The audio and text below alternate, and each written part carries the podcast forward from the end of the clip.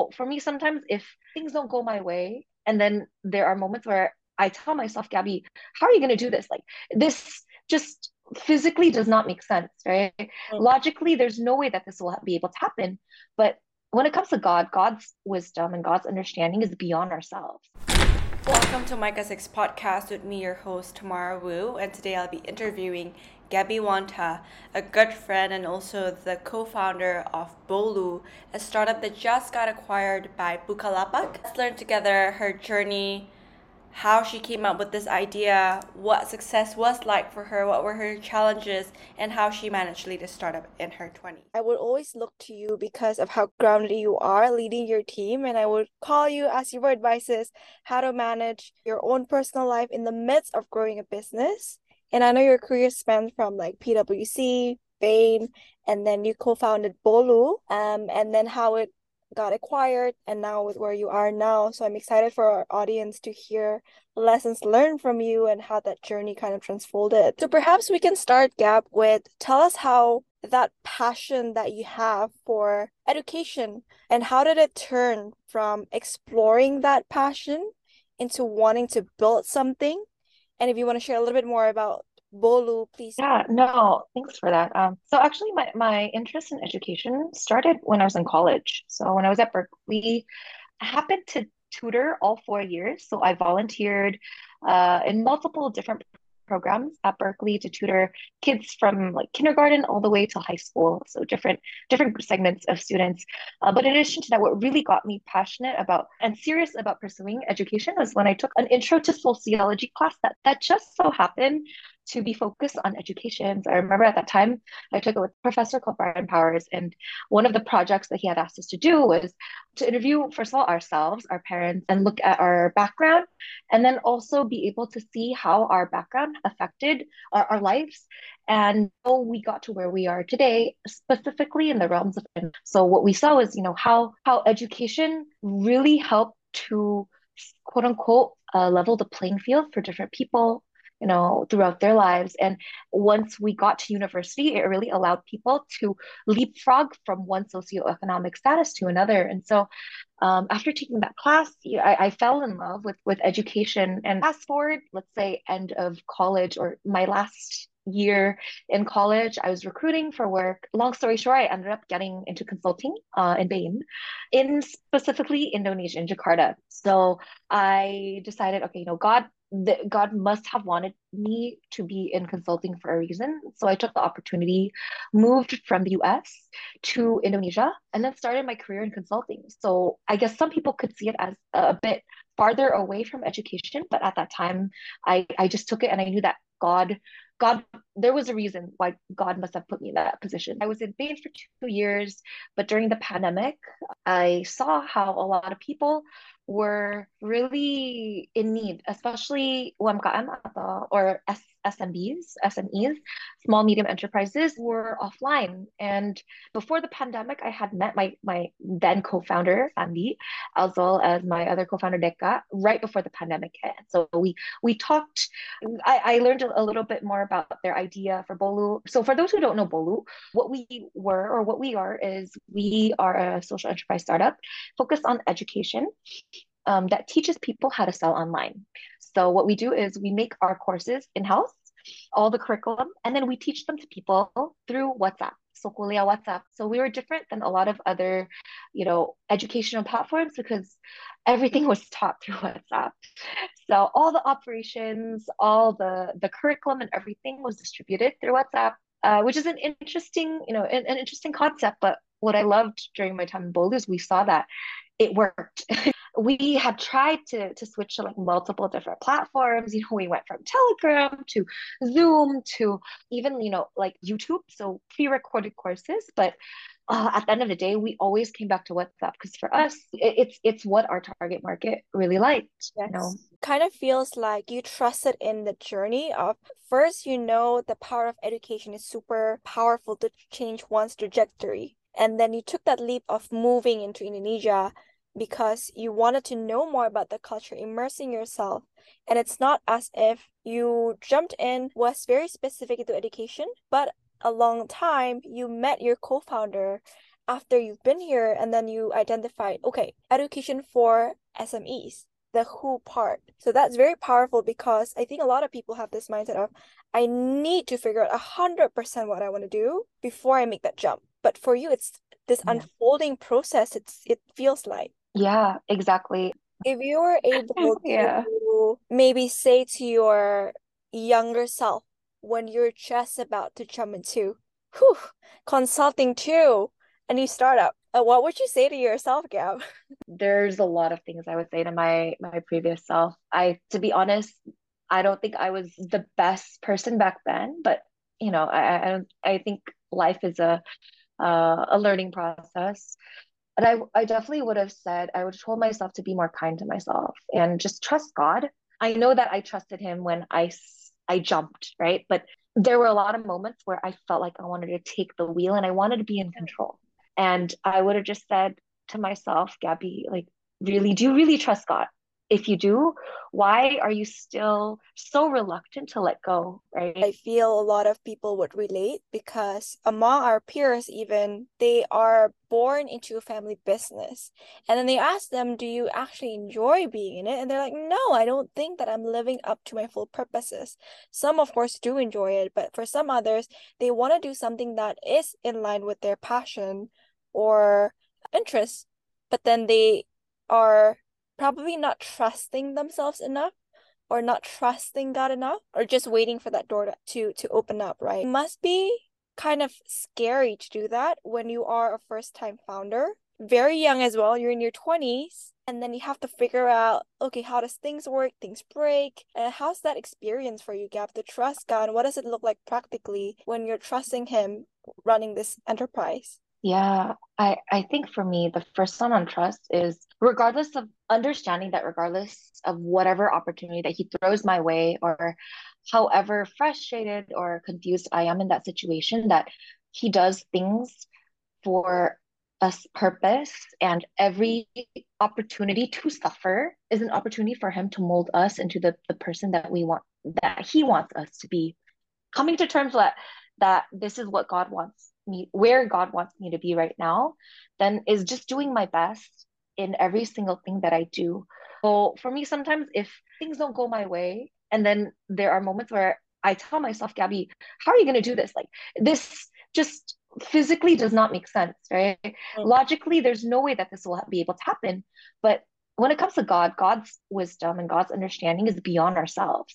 I remember there was one season where I didn't know where to take Bolu and I just felt lost. Um, and I remember praying to him. Like I, I remember praying this exact prayer. God, I, I really don't know if I'm capable. You know, I know you trusted this to me and I trust I know you trusted my team to me, but I don't know if I'm the right leader to lead this. You know, I, I don't know if I'm if I have the right skill set. I don't know if I have the right experience. and I, I don't know what you see in me, but yeah, clearly I, I don't know if if I see it in myself and I surrender this to you because I humanly do not know how I'm going to do this. After that, after that prayer, it was amazing because that following week, I remember I was so burnt out. I remember I work had worked so hard and I was not just myself burnt out, but I was burning out my team. Yeah. I was asking them to work insane hours because yeah, because I, I felt that it was necessary. And one of a close friend of mine mentioned to me, Gaby, you're working so hard. Why don't you try this? Don't pray about work. Which is strange, right? Uh, you would think that, oh, when, during your most most hectic time, yes, you would pray about work. But she said, don't don't pray about work.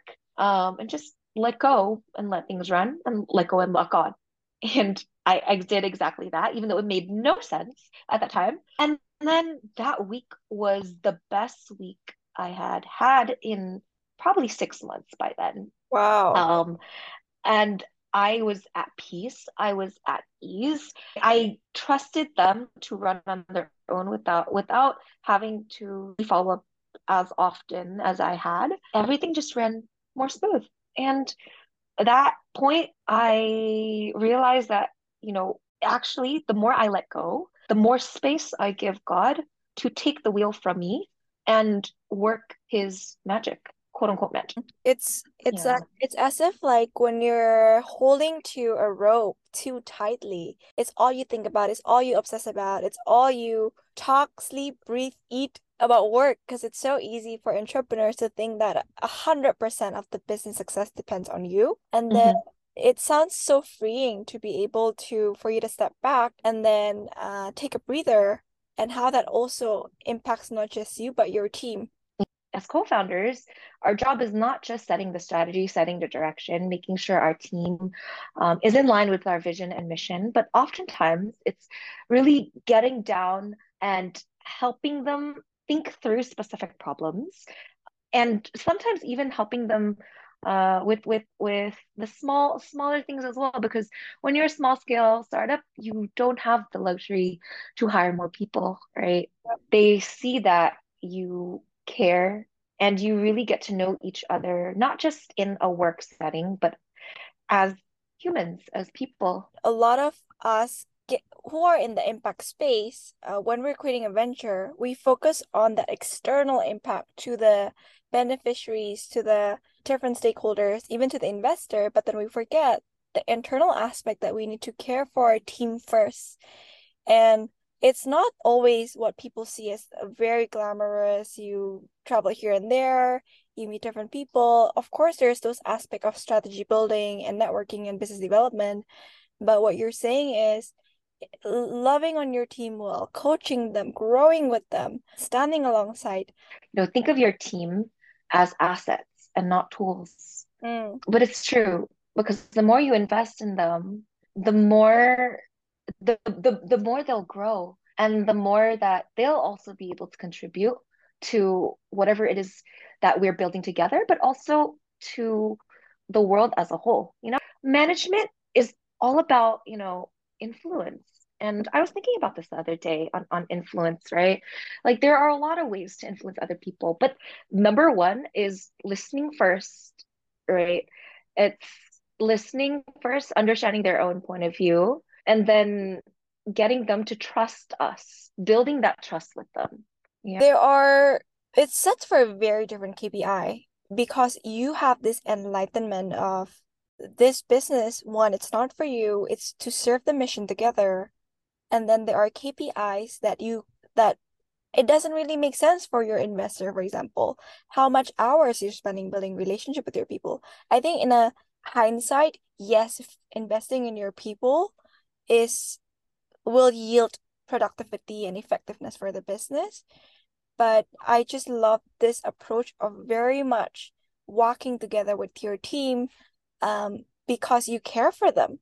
And it sets for a very different type of a business and culture that you are building for Bolu. Exactly. These two elements of one, having the right investors who provide us your oversight, and then second, having the right team and growing with them. I know Bolu got acquired in 2021 Gab. Mhm. Is that what you say lead up to that success? And how was that experience? Do you feel do you feel like there were other factors that led into that? having that the right culture in place really enabled us to work together and to be able to not just work together but struggle together uh, and push because we knew that we were always there for each other. Um, I remember there were moments, you know, where I during the most stressful times, I would just call my co-founders and and both Sandy and Deka hear these words from me a lot, but San, I'm exhausted. um, but being able to really lean on them enabled us to get through very difficult times and to be able to reach specific milestones that then I believe allowed us to be ready to be acquired by Bukalapak. That's amazing. In the span of one year, right? Since you started Bolu? One and a half. Even for me as a fellow entrepreneur, it is kind of like one of the perceived end goal. Oh, you've made it. The fact that you got acquired. But was that the end goal that you had in mind when you started Bolu? I wanted, I would love to hear how was that experience for you and how did you process that? I will be very, very short in the answer. No, it was not our end goal at all. Rather, when Sandy Deck and I started Bolu, we wanted to do this more for the social aspect. We wanted this to be in more long term, to be able to teach and empower more people to sell, to be able to get a better life, to provide for their families and their their kids, you know. And for us, it was never about the exit. We never it wasn't it didn't even cross our mind until we got approached.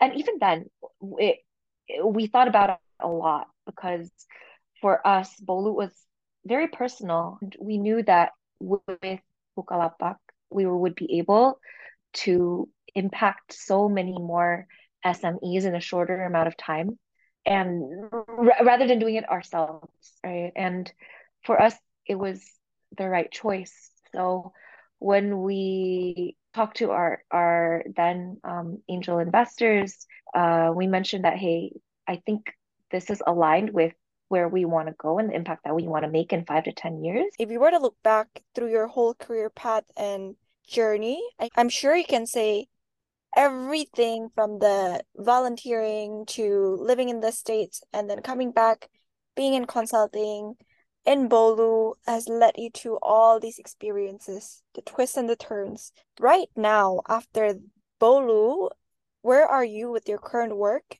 Yeah, where are you going next? Yeah, so um, after maybe I'll start with um after our acquisition, I, got offered uh, a position to work in GovTech. Um, so for those who don't know what GovTech is, we are the quote unquote tech arm of the government right now working for Kemendikbud or the Ministry of Education. So right now I am helping out the CPO um, on a few special projects to help roll out different initiatives in GovTech for the Ministry of Education. It started from something small and saying yes to that opportunity that present itself. Um, the first volunteering option, the first a social project that you were offered, and then how it snowballed. If I see your career, it started from college, and then it started with a community, and then it started with multiple communities across Indonesia, and now you're kind of on the government level, being able to influence and create impact at scale to that level. And that's so encouraging, Gab. And I really believe it is truly an amazing journey that when Ephesians says, right, where every single day of our life has been prepared beforehand, even before we were born, and we are to just live in that purpose. And for you in this journey of trusting God, how real it is and how exciting it is, even though I know it's also hard, it's um, tiring, frustrating because things are broken. Thank you as well, Tam, for having me. Or one thing that I love that says, in our work, we are also worshiping God, mm-hmm. right? We should see our place of work as our calling at work as also a way to worship him and so being able to bring about excellence to be to build a great business uh, in a way is serving god and his mission we need a new generation of entrepreneurs who does things like you that you don't need to start just a nonprofit or serve in church to make an impact for for god you can actually enter these different spheres of work and even create a business. And that itself is god glorifying. If there's a few takeaways that i learned from our call today gab it's number one just how the venture grows you personally. It provides your team with opportunity for them to grow into their own calling and serve the world and make the world a better place. But three, it's also how your product or the services that you create from educating these SMEs through WhatsApp is able to help them into flourishing. So it's really what an impactful way of seeing how our role in this world can look like in bringing impact through business. Thank you for listening to Micah 6 podcast. If you like it, like it, share it to friends who you know are struggling with building a business and knowing how to trust God, surrendering. Absolutely stoked that this would just be one of many. If you have any recommendation for who we should talk to, uh, please ping me. Find me on Instagram, Tamara Wu.